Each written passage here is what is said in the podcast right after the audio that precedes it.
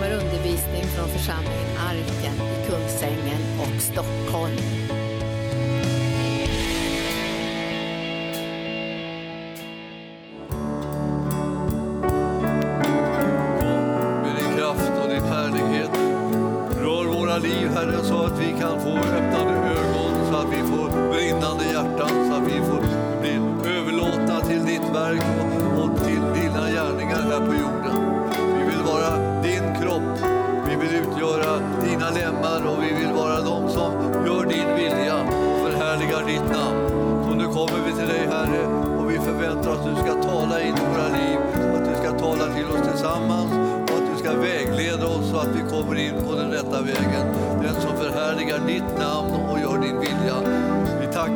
För att ingenting är omöjligt när vi kopplar ihop med dig och gör det som du har kallat oss till. Allting blir möjligt.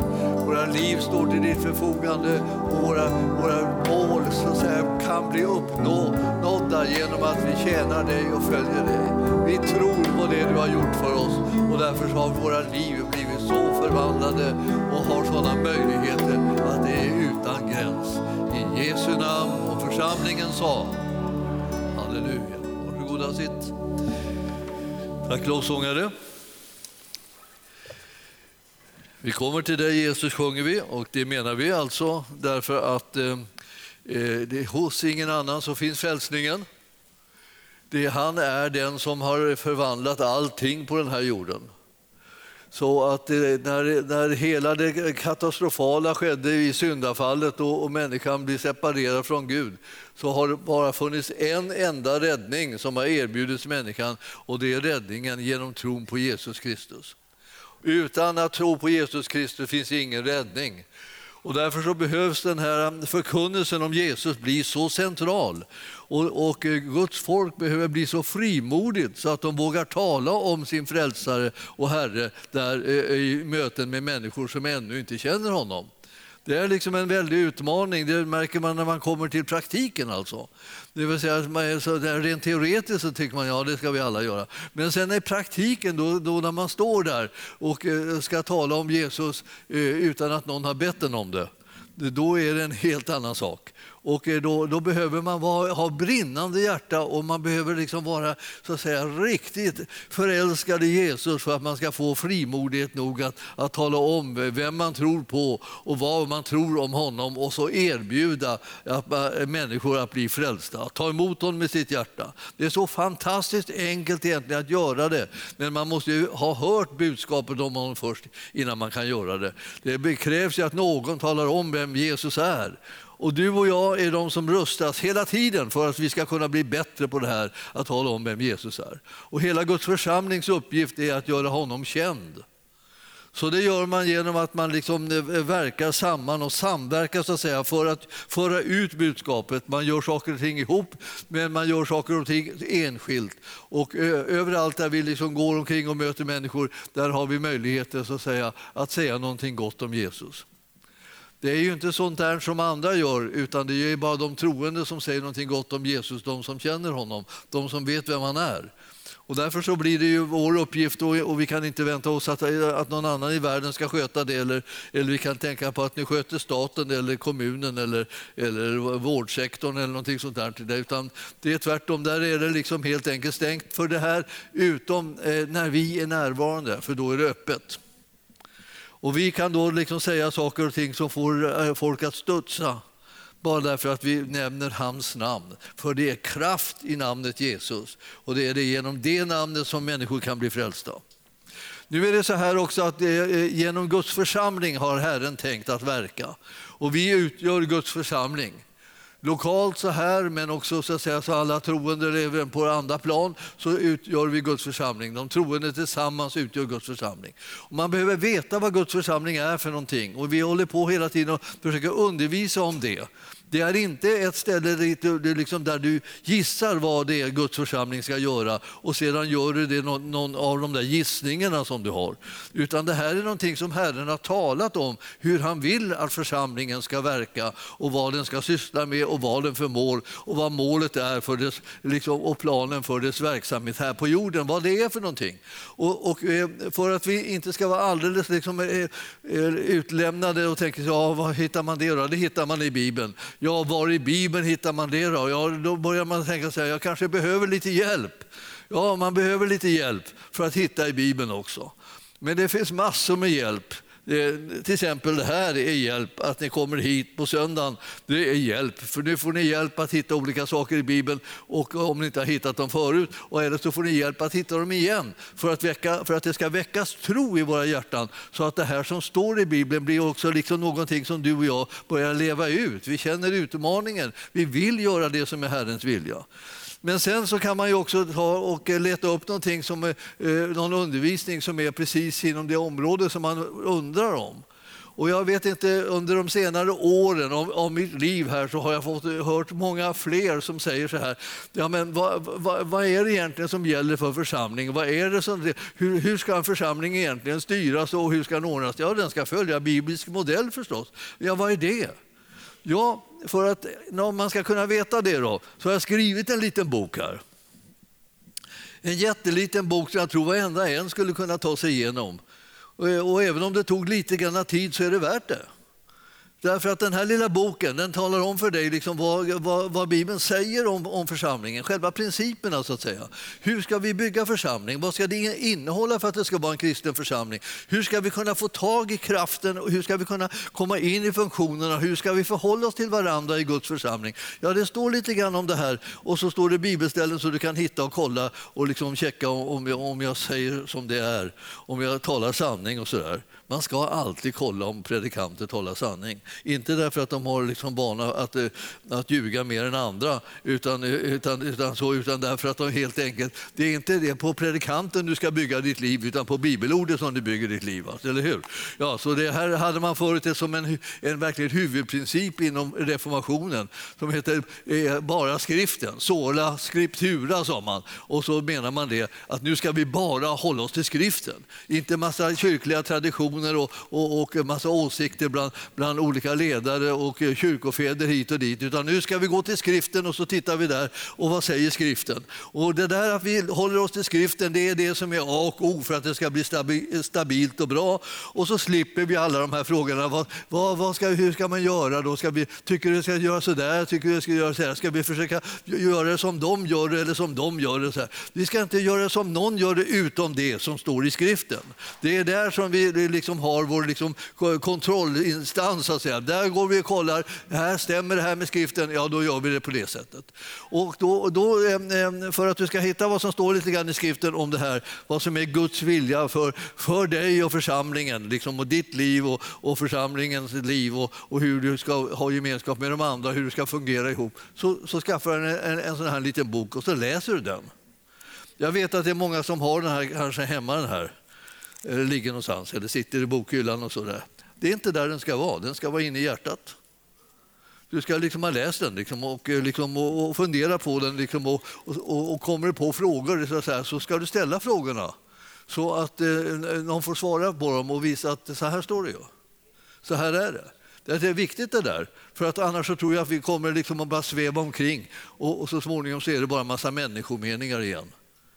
Vi behöver skriftens undervisning så att säga, när det gäller de här tingen för att vi bygger en stabil församling. Och då, då är den församlingen inte eh, till för, för människorna i första hand utan församlingen är till för Herren.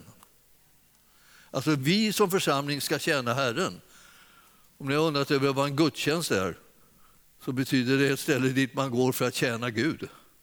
För att göra sig brukbar för Gud. Liksom. Och så ska man som församling sen tjäna Gud. Församlingen är, är Herrens tjänare. Så vi tjänar Herren. Vi är hans kropp och vi ska göra hans vilja, ni vet. Det är vi. Vem är det som ska göra det här? Vem är det som sköter det här nu då? Vad är det, har vi problem i församlingen? Varför sköter ingen det? Ja, vi. Det är vi. Allihop. som sköter det. Om det vore så här hörrni, som man tänker ibland så här, att ja, men det får väl de som, är, de som är ledare sköta då. Ja, det skulle de kunna göra kanske efter sin bästa förmåga då, vad det nu kunde innebära för församlingen. Men det skulle ändå kräva liksom då i så fall att man brydde sig om vad ledaren sa. Säger att man ska göra det så ska man göra det och inte det då. Man tänker, vad är det här för någonting? Ska ledaren komma och bestämma? Ja, så ska de inte bestämma, ja men då måste väl Herren bestämma då. Så då, då, och då ska du lyda, lyda honom? Ja, visst, det är klart du ska. Och i, i den mån som ledaren talar om sånt som står i skriften och som Herren har sagt, ja då är det det som vi följer. Så vi kollar upp vad det här är nu då, så att vi inte liksom tänker så här, ja det finns ingen som man kan lita på. Jo, det är det. Det, det finns någonting som man kan lita på och det, man kan lita på Jesus och vad han säger i sitt ord. Och, och eh, genom sin ande så kommer man få klarhet om vad det är som är hans vilja. Och det kan man lita på. Så det är inte så här, ja, vem ska man lita på? Man kan inte lita på någon här i världen. Till säger man, och då håller alla med, ja, det är hemskt, man kan inte lita på någon. Det kan man visst, man kan lita på Jesus. Man kan lita på Gudsordet och det är det som vi bygger våra liv på. Så, det, så försök inte liksom, att, vara, vara, vara liksom något slags eko av världens eh, liksom, förvirring. Utan vi är inte förvirrade. Vi är målmedvetna och vi är överlåtna till att följa Jesus och tjäna honom. Och det gör vi efter värsta vilja. Alltså, hur mycket som helst försöker vi bli sådana. Eh, eh, blir vi fullkomliga? Det blir vi förmodligen inte.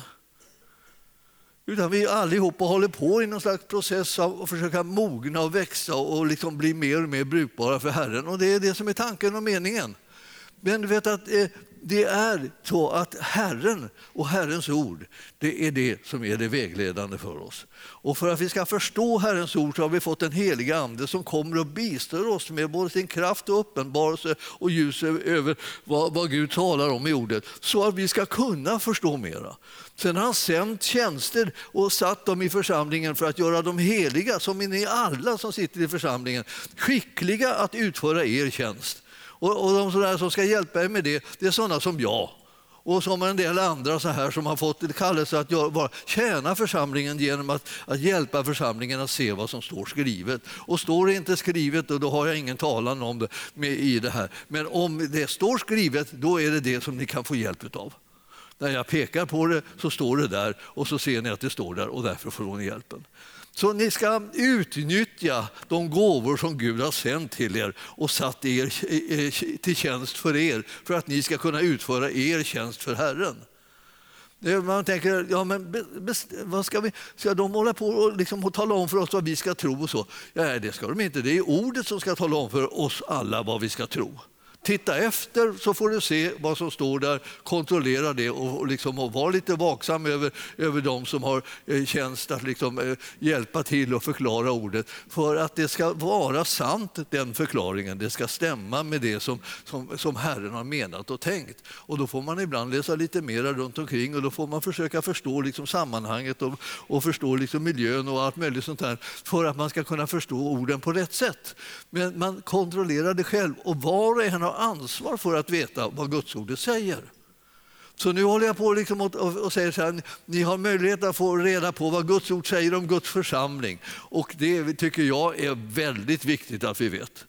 För Guds församling är liksom en av mina huvuduppgifter att rusta Guds församling med Guds ord och Guds vilja och Guds klarhet så att säga, utifrån ordet. Så att vi tillsammans kan göra Herrens vilja och, så att säga, och se till att evangelium når ut till alla människor. Det, det, är inte en enmansgrej, utan det här är liksom en gemensam sak. Alltså Guds församling, det var de som såg till att budskapet spreds. Det var inte bara en. Så, att säga. Vi, så, så sa de så här, ja, vi bestämmer, vi skickar Paulus, han fixar så att alla, alla blir frälsta i hela, hela liksom eh, Medelhavsområdet. Nej, nej, nej. nej. Det, var, det, var, det var mängder med tjänster som var igång för att göra, göra Guds folk skickliga så att alla skulle kunna vara med och sprida evangeliet. När förföljelserna kom i den första tiden som i den kristna församlingen på Jerusalem, ja, då jagade de folket och spreds de ut över hela landet. Och vad gjorde de då? Ja, de, de spred evangelium. De talade om Jesus överallt. Så konsekvensen av att jaga kristna är att de kommer ut om vi säger så. vet, nu, nu har ju inte vi haft en riktig jakt på oss så här så att vi behöver inte liksom fly hit och fly dit. Och, så. Så, och, och därför så börjar det bli så att det börjar bli nästan vita fläckar här och där i landet. Där det inte finns några församlingar längre, där det inte finns några kristna att tala om. Alltså det är liksom tomma områden. Förut var det liksom, hela landet var fullt liksom med bönhus och, och kyrkor som var i bruk. och så här. Och nu står det tomma kyrkor och tomma bönhus som har förvandlats till, till fritidshus och sådana här saker. Istället för att vi liksom finns där med evangelium. Vi skickar ut team från församlingarna för att vi ska få nå ut med evangelium till alla möjliga delar av landet och Norden och, så, och världen. Och nu har vi ju liksom folk lite här och där eh, som är ute och reser på det här sättet. Och det, det är därför att Guds församling har kraft att, så att säga, inspirera och att sända ut att, och organisera det här på något vis så att det kommer också ut. Och det är lite olika hur man lägger upp det men huvudsaken är att det kommer ut. Men det ska komma ut både nära och långt borta. Och för att det där ska kunna fungera så behöver församlingen ha lite muskler så att det liksom i det andliga, så att det klarar av att göra saker och ting både nära och långt borta. Man ska kunna sträcka sig långt ut. Och så här. Det är många som tycker att det verkar enkelt att åka långt bort. Eh, eh, men många tycker det är jättesvårt att göra nära, nära. Alltså, och ju närmare vi kommer liksom, där vi själva bor och är så att säga, blir vi mer och mer liksom, återhållsamma. Och sen så eh, blir det ibland ingenting där vi bor. Liksom. Men, men, men, men vi skulle kunna åka på team till en annan stad eller till, till ett annat län eller någonting sådär. Det går, liksom, det går an för att det känner ingen oss. Och men, så där, men när man kommer hem liksom där och, så, och grannen och de här, ja, de, de brukar man säga, de, de ska få vara i fred. Eller, eller vi vill vara i fred själva när vi är hemma eller, eller, ja, eller sådär. Alla möjliga sådana tankar har vi därför att vi får känna det olika utmanande. Men den som brinner av, av, av kärlek till Herren, den, den hittar alltid vägen till att tala om honom på något sätt. Och jag har, har ju eh, sett sådana där exempel. Jag brukar berätta om det, att jag ser, hade sådana exempel i min, i min släkt. Sådana som jag inte visste, visste om att det, att det skulle kunna vara pinsamt för någon att man satte igång och pratade om Jesus när som helst. De visste bara inte om det. Tänk om man hade, jag, kände, jag är lite avundsjuk på det. Jag, jag, vet om det om jag sätter igång och pratar om Jesus var som helst. Och jag, om jag hade en pappa han pratade med folk överallt, alltså jämt om, och inte alltid om Jesus utan vad som helst. Han, han, det satt inte fast någonstans för honom på något vis. Det där, det här, han, var inte liksom, han, han tänkte liksom alla liksom som han mötte, de var på något sätt hans åhörare. Då, då satte han igång bara och, och talade om det. Och, och ibland var det Jesus och ibland var det andra saker. Ibland busade han bara med dem så att de höll på liksom, alla tyckte eh, som skulle vara lite högtidliga och stilla och stå på fina köer så här i affären och så. Och han busade med dem så att alltihopa blev ett stort kaos. Det var, att han, var inte, han var inte, tog inte det där så högtidligt. Han tyckte att vi ska väl ha lite trevligt när vi är tillsammans. Eller hur, säger han då till folk. Eller hur? Och, och, ja, ja, då tänkte jag, ja, ja, ja, ja, ja, visst. Alltså det, här, det här var liksom en, en, en, en sätt att vara på som, som också andra sådana här släktingar hade. Och, och, när de talade om Jesus så då, det kunde de verkligen välja vilket ögonblick som helst. Det var absolut en stor riskfaktor. Om för en, en, och för en tonåring var det liksom en, en mardrömslikt. Man gick där som på, på, liksom på ägg liksom, och tänkte att nu händer det snart, nu sätter de igång snart. Nu, och, och man var ju känslig för det och tyckte liksom att det var obehagligt. Då. Men, men, men, men, oj, oj, oj, vad det hände mycket. Och, jag, och då många, många, många kvinnor i, i min, min släkt var brinnande för Jesus. Och eh, ja, de, var så, de var så radikala så man, man kände sig helt svettig. Och så. Och jag tänkte här, jag har blivit en stilla västanfläkt mot dem. Men å andra sidan så har jag fått en annan kallelse. Och ni förstår, alla får inte samma kallelse. Men vi behöver varann och vi behöver sitta ihop, även om vi inte har riktigt samma kallelse. För min del har det handlat om att bygga. Bygga församling och bygga, bygga allt möjligt. Man får bygga hus om man ska bygga församling. Och så och man får bygga på ekonomi och man ska bygga församlingar. Man får bygga. Alltså man, det är så mängder med saker som måste byggas och bygga upp liksom, eh, Guds folk med kunskap och, och, och tro liksom, på Gudsordet och kunskap i det så att man verkligen bygger med rätt slags material när man bygger så att inte allting hopar, rasar ihop bara för att man har fått någon konstig egendomlig lära eller någonting sånt Här.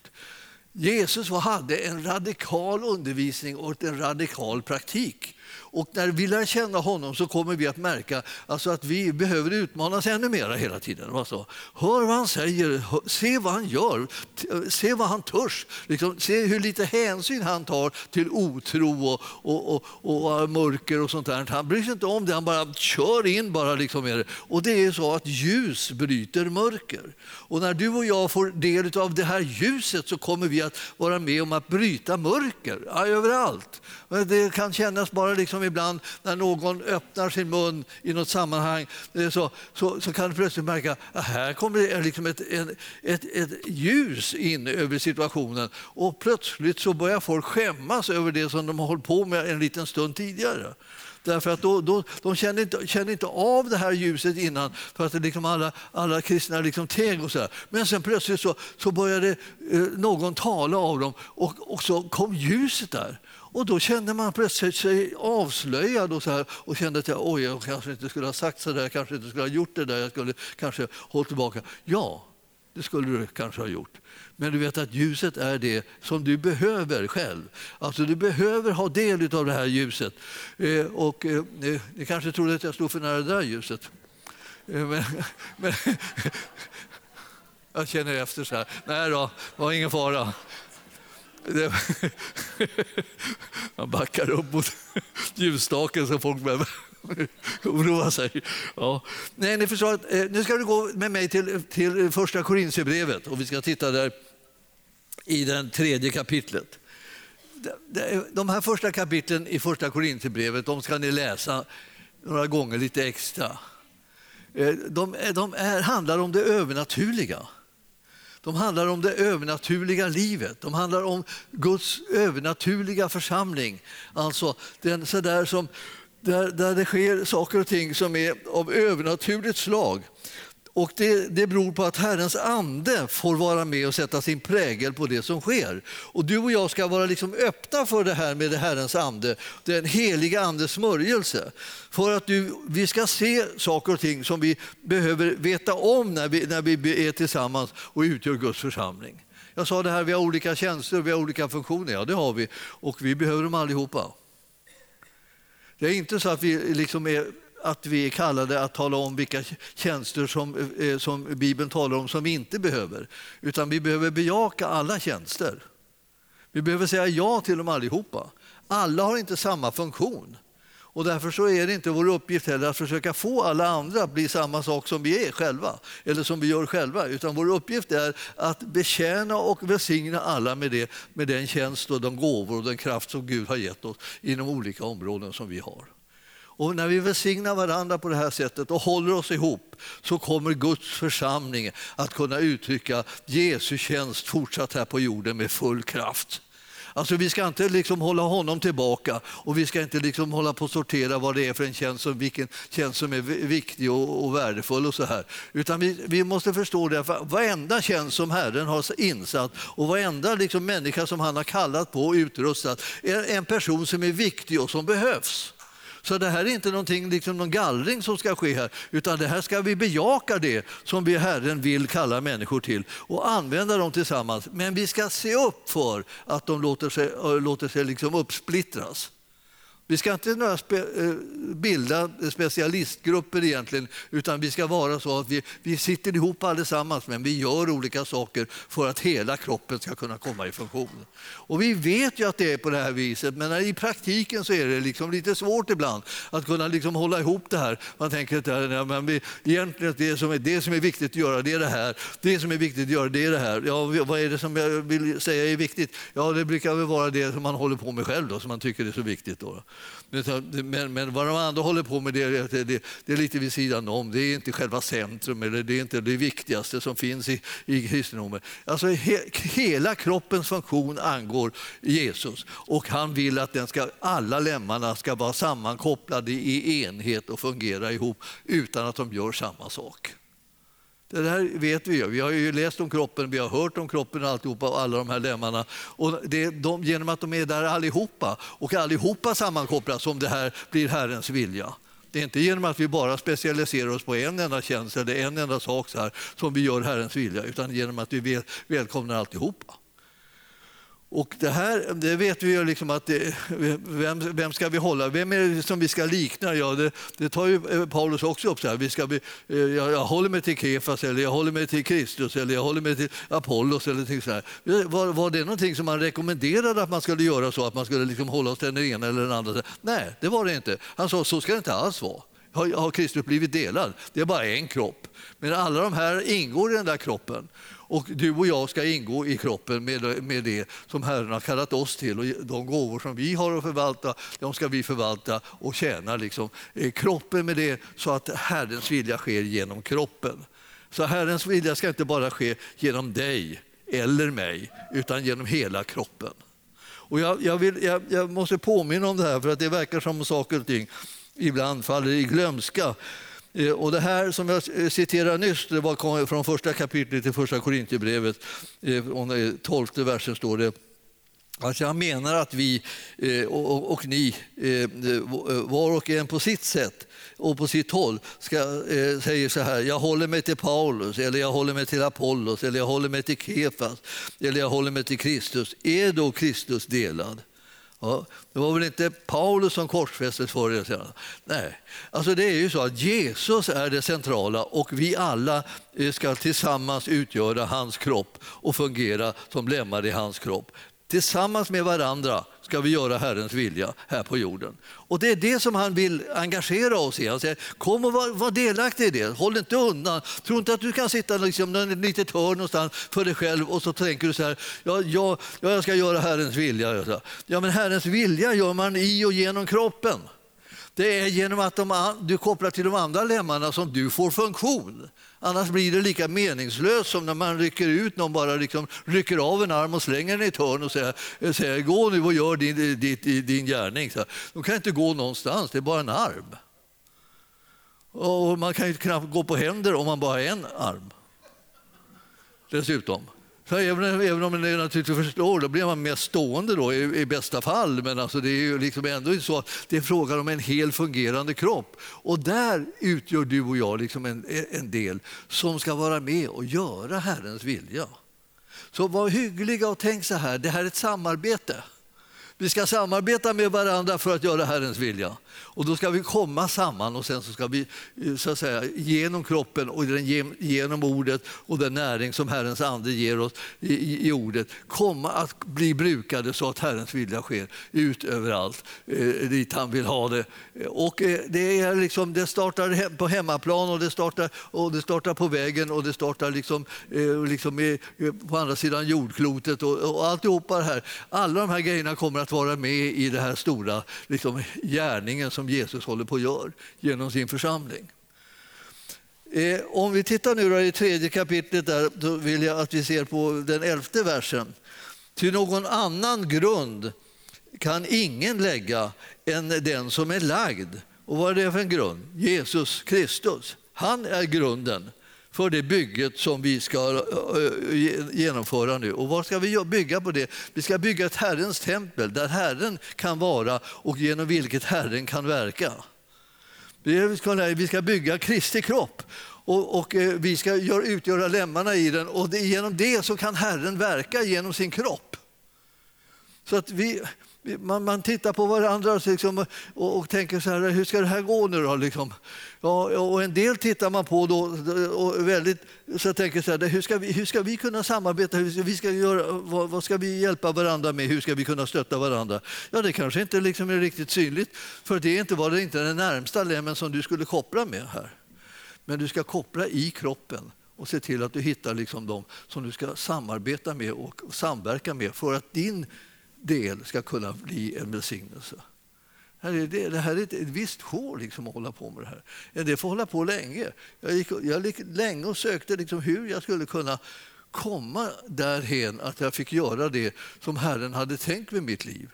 Och, och, och, en del tänker så här, ja hur länge ska man vänta? Ja, det handlar inte ett dugg om hur länge du ska vänta. Utan det ska handla, handla bara om att när du väl vet att han vill använda dig så ska, ska du vänta och söka honom så att säga och gå alla på alla de sträckor som behövs för att du ska komma fram till den där stället där du kan börja liksom göra det som är hans vilja tillsammans med andra som du har kopplat ihop med i kroppen. Du ska inte bara liksom ge upp om dem. Tänka så här, ja, det finns ingen som jag kan koppla ihop med, det finns ingen som, som jag kan liksom vara, vara samman med i kroppen. Så här, det, det finns ingen. Då. Det gör det visst. Det är bara att sätta igång och, och leta. Be och ropa till Herren så får han visa dig hur din koppling in till kroppen ska vara. För när den väl har kommit till stånd så kommer du få kraft att kunna göra saker och ting utåt, eh, kopplade med de här på olika sätt. Ibland bara det att de är kopplade i, i bön med de människorna så de kommer att stå där och backa upp dig i bön när du tar andra steg eh, än vad de just gör. Men utan att ni kopplar ihop så blir det här ett slag i luften. Ja, du springer iväg, liksom, men det blir ingenting. Det var därför att, därför att du, du, du har inte kopplat till kroppen. Den här kroppen jobbar som en helhet. Och det är en enhet. Och Herren, Herrens ande älskar enhet. Men när det inte är enhet så, så är han väck. Alltså. Och så står man där i kylan. Och Gud vill att det liksom ska uppstå en sån här enhet genom den ande som han har låtit komma över församlingen för att alla de här olika lemmarna ska kunna hitta sin rätta plats och få hitta den rätta kopplingen till varann. Och jag menar, jag tror att Herren, Herren har det här för dig och mig. Men det är inte så här, ja, var, var, var hör jag hemma då, då? Säg det, säg det. Säg det. det. det. är inte jag som ska säga det, det, det är Herren som kommer att uppenbara de här sakerna för dig. Och sen så kommer de andra att upptäcka hur du ska sitta ihop med dem och så börjar kopplingarna att komma till stånd. Och då börjar du känna liksom att du är inte ensam fastän det är du som gör den här saken och inte en annan. Det är du som håller på med det här, men du är inte ensam för det, för du är kopplad med dem som kan bedja för dig, stå med dig, tro med dig och så här. Eh, Serva dig och stötta dig på olika, olika sätt. Och, och i gengäld, du kan också göra saker som för dem betyder att de kommer igång i sina funktioner. Så att ni, alltså, ni måste förstå det här att genom att man samordnar sig liksom i, i, i, kroppen, i församlingen, så uppstår den möjligheten att man verkligen kan komma i funktion själv. Och Herren kan använda hela sin kropp och inte bara liksom någon liten strimma eller liten, något litet hörn någonstans. Eller, eller varför, som man ibland hör, varför gör inte du då som är pastor någonting? Ja, ja, ett och annat gör jag, men jag, jag, tanken är inte att jag ska göra allt åt folk utan jag ska göra dem skickliga att göra sin sak. Jag håller, på, jag håller på att försöka göra det som är uppdraget, att göra dem heliga, skickliga att utföra sitt tjänarvärv. Och ni vet, det, är, det är ni som är de heliga, ni, ni har förstått det i den där texten. Det är ni som är de heliga, som har en uppgift, alla möjliga olika uppgifter. Och jag är en av de här tjänsterna som Herren har gett till församlingen. Han har gett många tjänster till församlingen, men han, jag, jag, jag, står för att jag är en av dem. Och, och, och då, ska jag, då ska jag försöka hjälpa dig så att du kommer att komma in i din tjänst så att du kan utföra den på bästa sätt. Och då behövs det liksom att jag gör det och så behövs det att du tar emot mig i den funktionen. Om du säger att du ska inte hålla på och peta i mitt liv, du har ingenting med mig att göra, jag, gör det, jag sköter mitt liv själv. Ja, men då så. Då är du utan min hjälp. Det var inte tanken. Men det blev resultatet när vi inte liksom säger ja till varandra och utför vår tjänst så säga, i förhållande till varandra på rätt sätt. Om vi inte bryr oss om vad Herren hade för plan så hamnar, vi, så hamnar hjälpen så att säga, i ett annat hörn och du är det där. För du sitter liksom och reserverar dig mot att du ska få någon hjälp av någon. Och du tänker jag bestämmer själv vad jag gör. Men det gör inte. Det är Herren som bestämmer vad du gör. Så om du lyssnar till honom så säger han, jag har skickat en hjälp till dig. Och den, han, den här, han ska hjälpa dig att göra det som, som, du ska göra. Han ska inte göra det åt dig utan han ska hjälpa dig att du, så att du kan göra det. Och det blir så småningom, så kommer, när du märker det, hur härligt det är att göra det man har blivit kallad till tillsammans så att säga, liksom kopplat till kroppen så kommer du märka vilken glädje det kommer av det. Äntligen är man som fisken i vattnet. Alltså.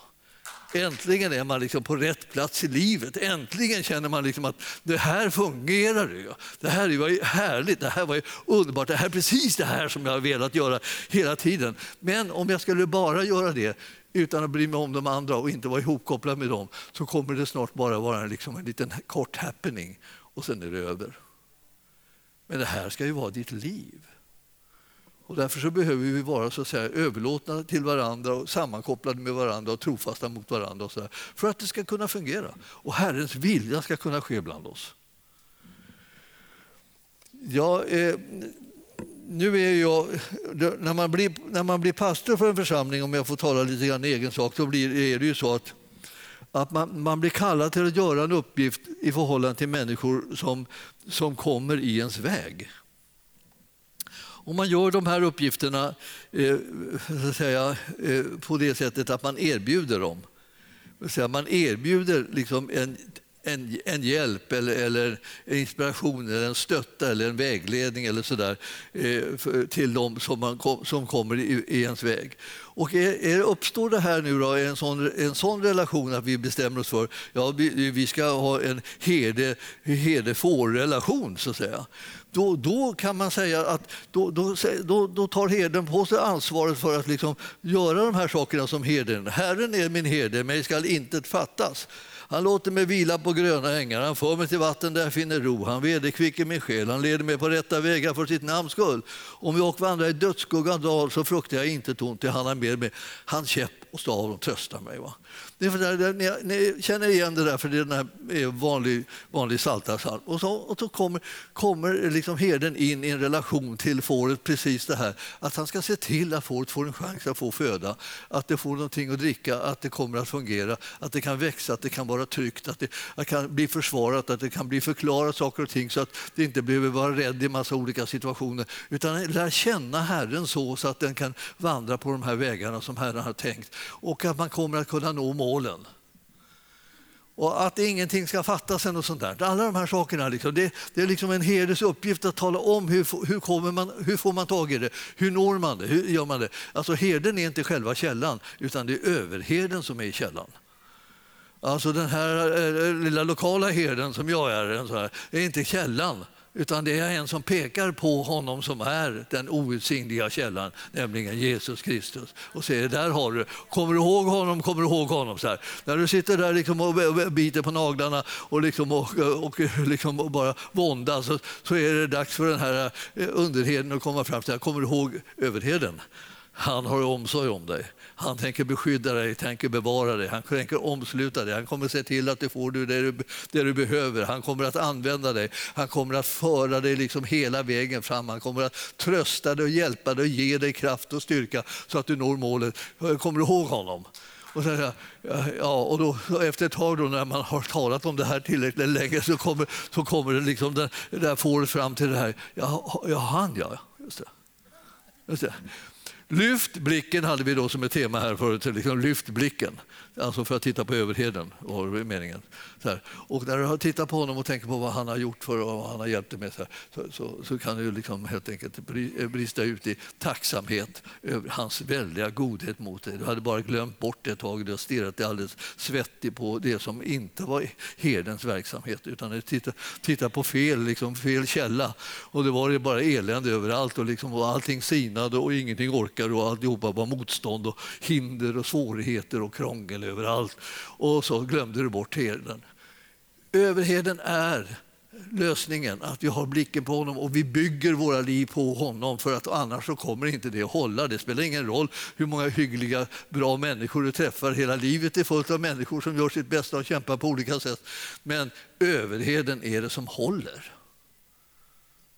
Att jag säger det en gång till med, med, med sikte på att vi allihopa hör detta. Det är överheden som håller att bygga på. Det är han som utgör själva grunden. Och om vi inte får, får tag i den kontakten med honom, då, då, då hjälper det inte liksom hur, hur många andra eh, du känner. För att det, de, de håller inte för sånt här tryck som det är att göra Herrens vilja här på jorden om du inte bygger ihop liksom ditt liv med den här överheden som verkligen har hela styrkan och kraften. Och när, när vi gör det, då finner vi källor som vi kan ösa ur. Och Guds församling är en sån här källa.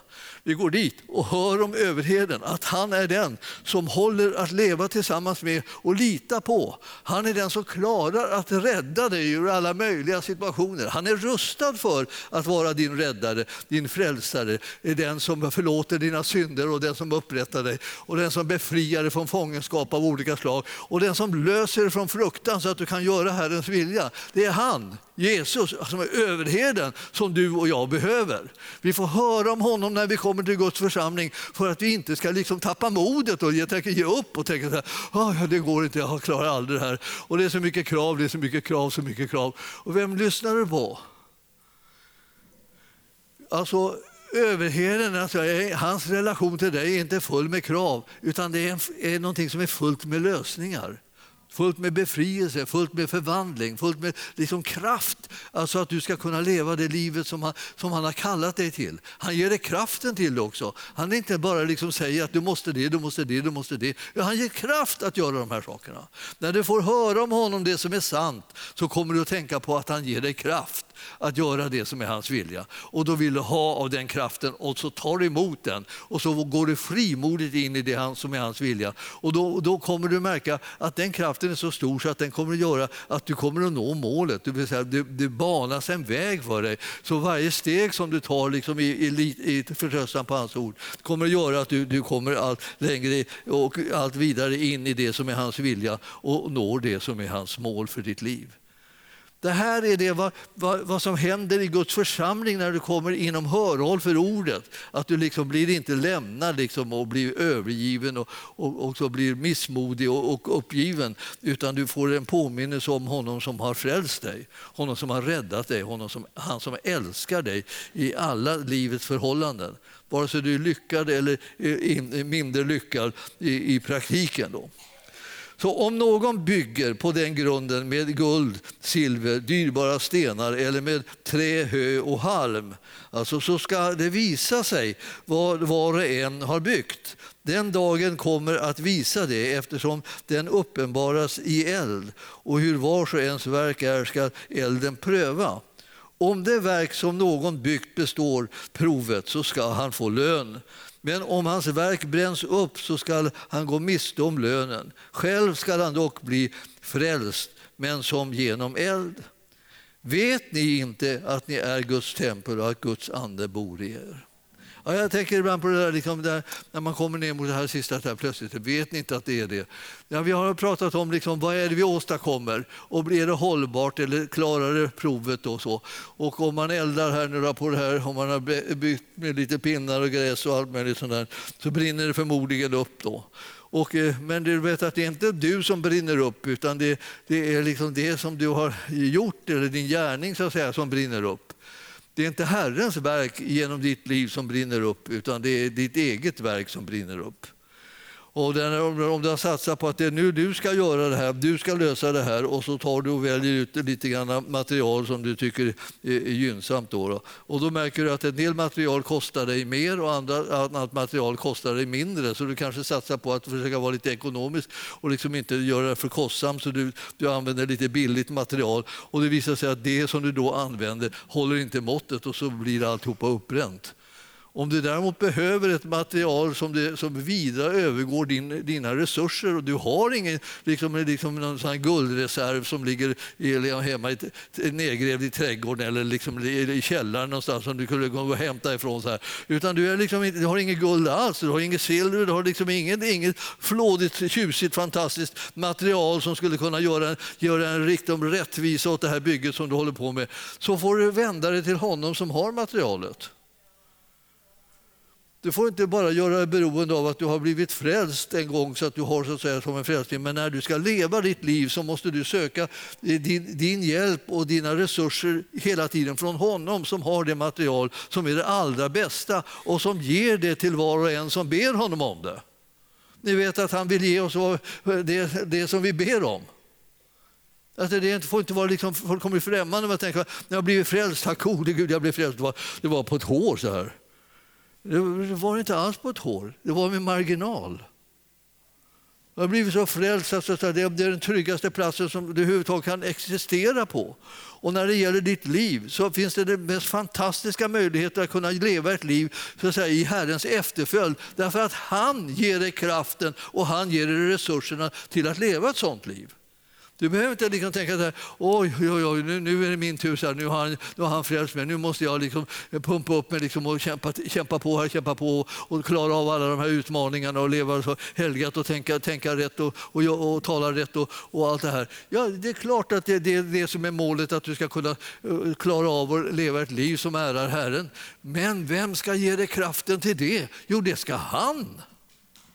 Alltså, det, det, det, slutar aldrig med att du och jag behöver här, inte behöver Herren. Utan så här, nu, nu, nu, behöver jag honom inte längre, nu har jag liksom allt. Nu har jag det. Utan han är hela tiden, varje dag, varje stund, den som jag vänder mig till och, och ber om hjälp och ber om kraft och ber om lösningar och ber om utvägar. Och han ger mig alla de här nådegåvorna är till för att liksom rusta mig för att jag ska kunna tjäna honom och vara hans representant här på jorden. Det är för dig också. Vi har samma läge. Så här. Hjälp oss Jesus. Och han har redan sagt ja. Så det var han väntar bara på att du ska liksom vilja, vilja ha hjälpen och inte tror hela tiden att förr eller senare kommer det ändå hänga på dig och nåde dig om du inte klarar upp det. Liksom. Och då tänker man, jaha. Alltså, så, här, så, så, det, så där nåden ser ut då. Ja, då liksom en hot, liksom kommer som ett hot liksom mot en. Så här, om man inte skärper sig nu. Nu när man har fått så mycket då borde du skärpa dig och klara det här alldeles själv. Du behöver inte klara dig själv. Du har ett liv som du kallar att leva tillsammans med honom som har vunnit segern för dig och som har all kraft och alla gåvor, all, all utrustning och, och all hjälp närvarande för din räkning om du ber honom om det, om du tror honom om det, om du tar emot den hjälpen som han ger dig. Alltså jag vill säga att det, vi är de mest välsignade av alla människor. Tänk på det. Alltså. Tänk, tänk inte på liksom allting som inte går. Tänk på vad som går när man är tillsammans med Herren. Alltså jag menar Jesus här, jag vill, jag bara vill, jag, jag vill göra lite reklam för Jesus och, och hans kropp. Hans kropp, församlingen, är det bäst, bästa stället att vara på. Det är så hälsosamt så det är inte klokt. Ja, men du tänker, ja, men det är väl inte så lätt att ha hälsosamt. Här sitter ju alla, alla möjliga här som liksom är jättekrångliga och jobbiga. Och jag, jag kämpar med dem och jag kämpar med den relationen, jag kämpar med den. Du ska inte hålla på och kämpa med alla möjliga relationer. Du ska liksom hålla dig nära Herren så kommer du kunna bli till välsignelse i relationerna istället. Alltså det är honom som du ska fokusera på, alltid. Han är din hjälp. Han är liksom en hjälp som till och med man har verkligen prövat och testat och den har hållit. Massor med troende runt omkring dig kan vittna om hur, hur fantastiskt trofast och god Herren är. Lyssna på vad de säger om Herren. Lyssna inte på allt annat som de pratar om hit och dit. Lyssna på vad de säger om Herren. Lyssna på liksom hur de ger, gör reklam för honom, vilken, vilken god och trofast Herre vi har. Vilken, vilken kärlek han har visat oss. Hur han har bevisat för oss att vi är älskade av Gud. Hur han, hur han har banat vägen för oss hur vi kan komma hem till Fadern. Och vi vet att vi har evigt liv och att vi vet att vi har ett hem som väntar oss där i evigheten. Han är ju den bästa som finns, Jesus. finns ingen som han. Om du kommer ihåg honom istället för liksom, när, du, när, du börjar, när du börjar bli för fokuserad på att komma ihåg allt möjligt annat, alla oförrätter, alla svårigheter och så, där, så, så vänd bara, byt spår och så, kliv in på spåret liksom, tacksamhet. Liksom. Då tackar du Herren för att han är så god, att han är så underbar, att han älskar dig så mycket och så öser på där i det oändliga. Liksom. Ända tills du börjar känna att nu, liksom, nu, nu lossnar det. Nu börjar jag känna mig, nu börjar jag känna mig fri. Liksom. Kan man borsta av med alla, all smörjan så här. Så nu, så. nu kan jag gå ut i världen igen och känna människor utan att hela tiden liksom gå omkring och tänka på alla oförrätterna. Nu kan jag tänka på min underbara Herre som har vunnit en sån seger. Alltså, fyll dig med honom och uppmärksamheten på honom. Det är det som är din räddning. Annars blir du tvärstup i ett och, och, och, bara går omkring och morrar. Har det. Det, är liksom, det är slitsamt. Vi struntar i den, den typen av livsstil. Utan tänk på det här med tacksamhet istället. Om man går omkring och tackar hela tiden så, så ja, man kan inte hjälpa det, man börjar bli glad. Och jag, jag, har, jag, har, jag, har, jag har ju sagt till er flera gånger att jag har startat den här vandringen med, med otacksamhet och, och, och morrande och klagande och, och, och sådär. Och, och, så.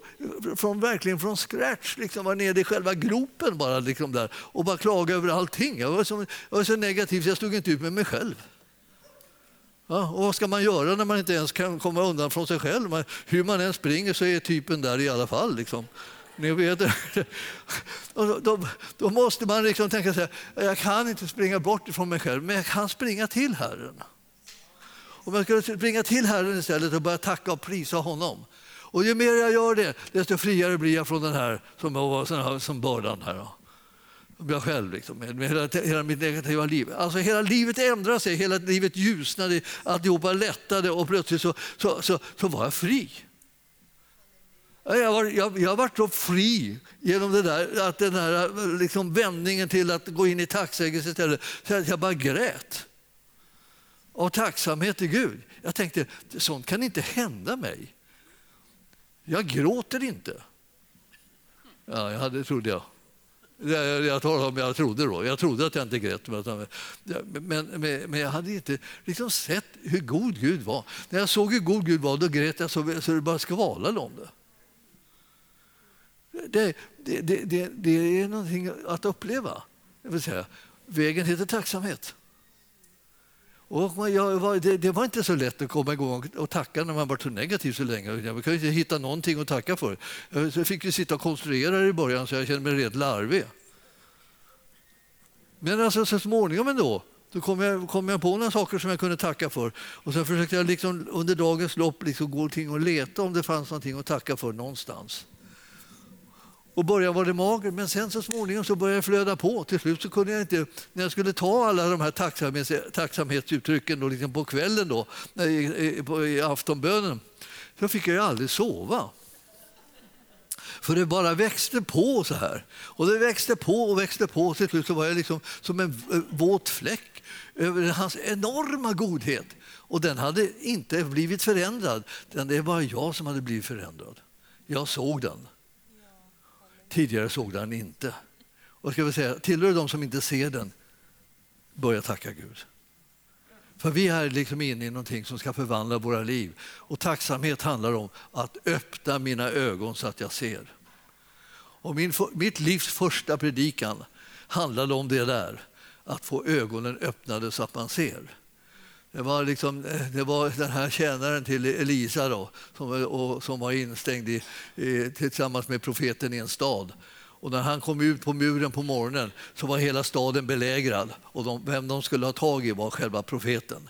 Och de alltså, han, han, han, tittade över muren och så fick han nästan hjärtsnörp liksom, av, av fruktan över den fruktansvärda, oerhörda armé som hade legat sig runt staden. Och han tänkte, den här profeten och jag, vi kommer ryka, det kommer att vara helt slut. Och han, han bara sprang till profeten och bara utgöt sin hjärtats fulla liksom, fruktan över allt som skulle hända, hur illa det skulle gå alltihopa. Och då sa profeten, kom med mig här så går vi upp på muren igen. Så gick de upp på muren. Och så, så, så höll han i den här stackars, vad hette han, Gehazi? Va? Ja, så höll han Gehazi i handen liksom, och, så sa, och så sa han, tittar ni ut över muren. Så här, ja, titta ut över muren. Herre, öppna hans ögon, bad profeten. Då föll fjällen, som det står. Det var ju kanske, det låter stort, men det som skymde hans blick, så han kunde bara se fienden. Men då föll fjällen så att säga, från hans ögon och så såg han Herrens här, eld, vagnar av eld liksom, eh, och eh, stridsmän runt mellan dem och eh, själva fiendehären. Och den här Gehazi, han, han ändrade ljudet i sin skälla så att säga och började prisa Gud och han var så gripen av det att nu såg han plötsligt verkligheten. Ja, det är precis det som händer oss också. Vi, vi, vi, kan när som helst liksom, så att säga, kommit in i någonting, att vi inte ser verkligheten längre. Vi ser inte det som att det finns anledning att tacka och prisa Gud. Och vi bara stirrar på det här som skrämmer oss och som hotar oss och som tränger oss och som förstör allting. Och så, här. och så ser vi bara det negativa och så tänker vi åh, jag är så klarsynt, jag är så klarsynt.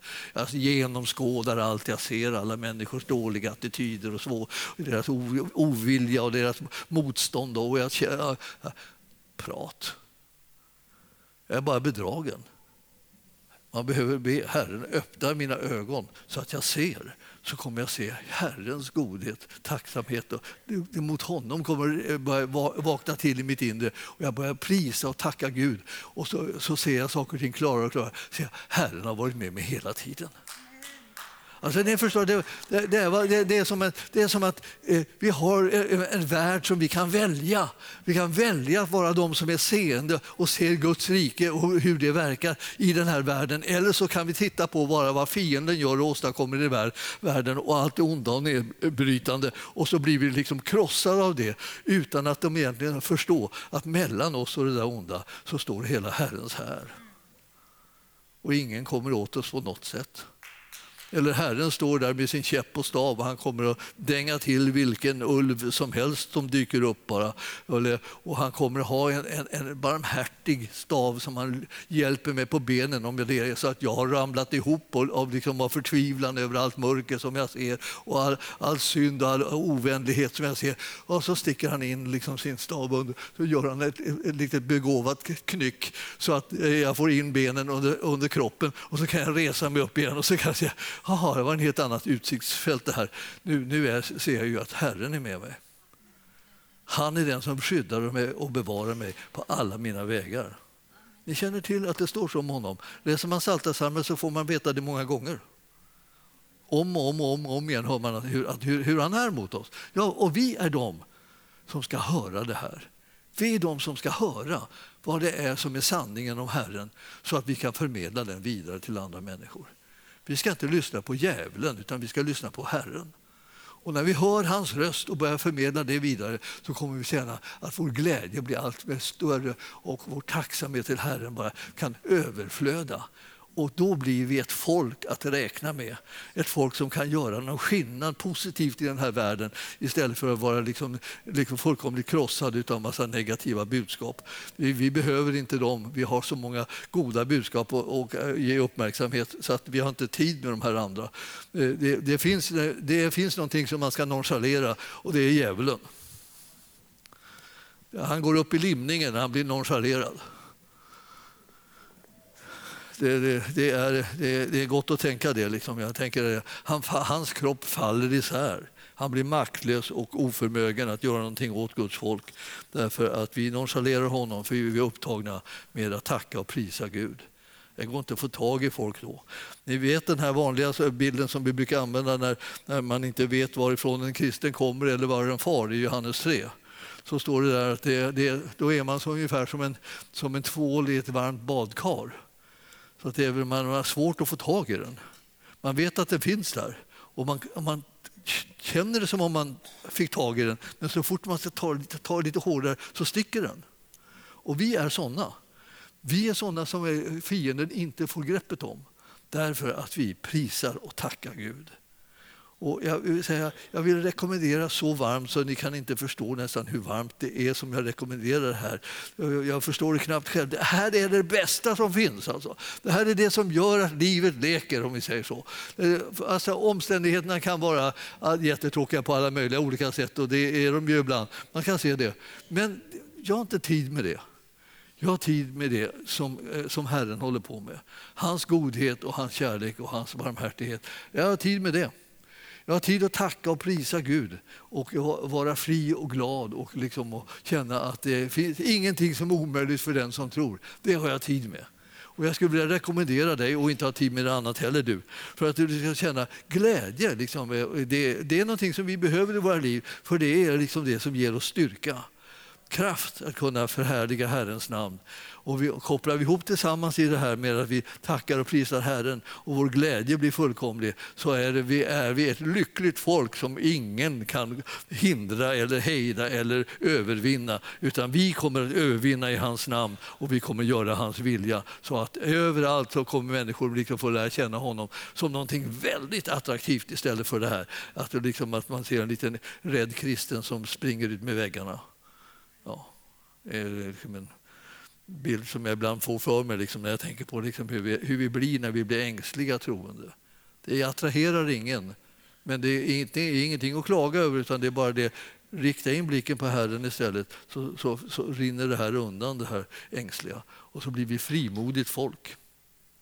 Så himmelske Fader, nu ber jag för hela församlingen att du kommer med din kraft och din styrka och att du kommer med din glädje och, och ditt underbara härliga liv så att vi i Jesus Kristus kan leva och frimodiga och glada och att vi kan hela tiden se Herre att du gör saker och ting för oss och du befriar oss och förvandlar våra liv, livssituationer och du ger oss utvägar och öppningar så att ingen av oss ska behöva känna att vi har fastnat någonstans eller kommit in i någon form av frukt fruktan som vi inte liksom kan klara av att bemästra. Utan du har kommit för att göra allting nytt. Och vi bara vill tjäna dig Herre och vi vill följa dig. Vi älskar dig Jesus. Du är det bästa som har hänt oss. Vi tycker att du är så underbar och vi vill ha våra blickar fästade vid dig hela tiden så att vi inte tröttnar och uppgives i våra själar. Det har du sagt till oss och vi tror på det. Vi tror att lösningen ligger hos dig. Att vi tar emot livet från dig, att vi tar emot emot kraften ifrån dig, att vi tar emot lösningarna och utvägarna ifrån dig.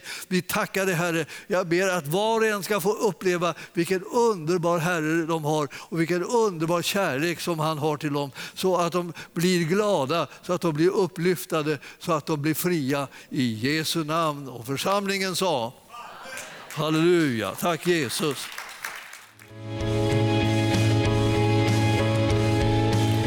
Tack för att du har lyssnat.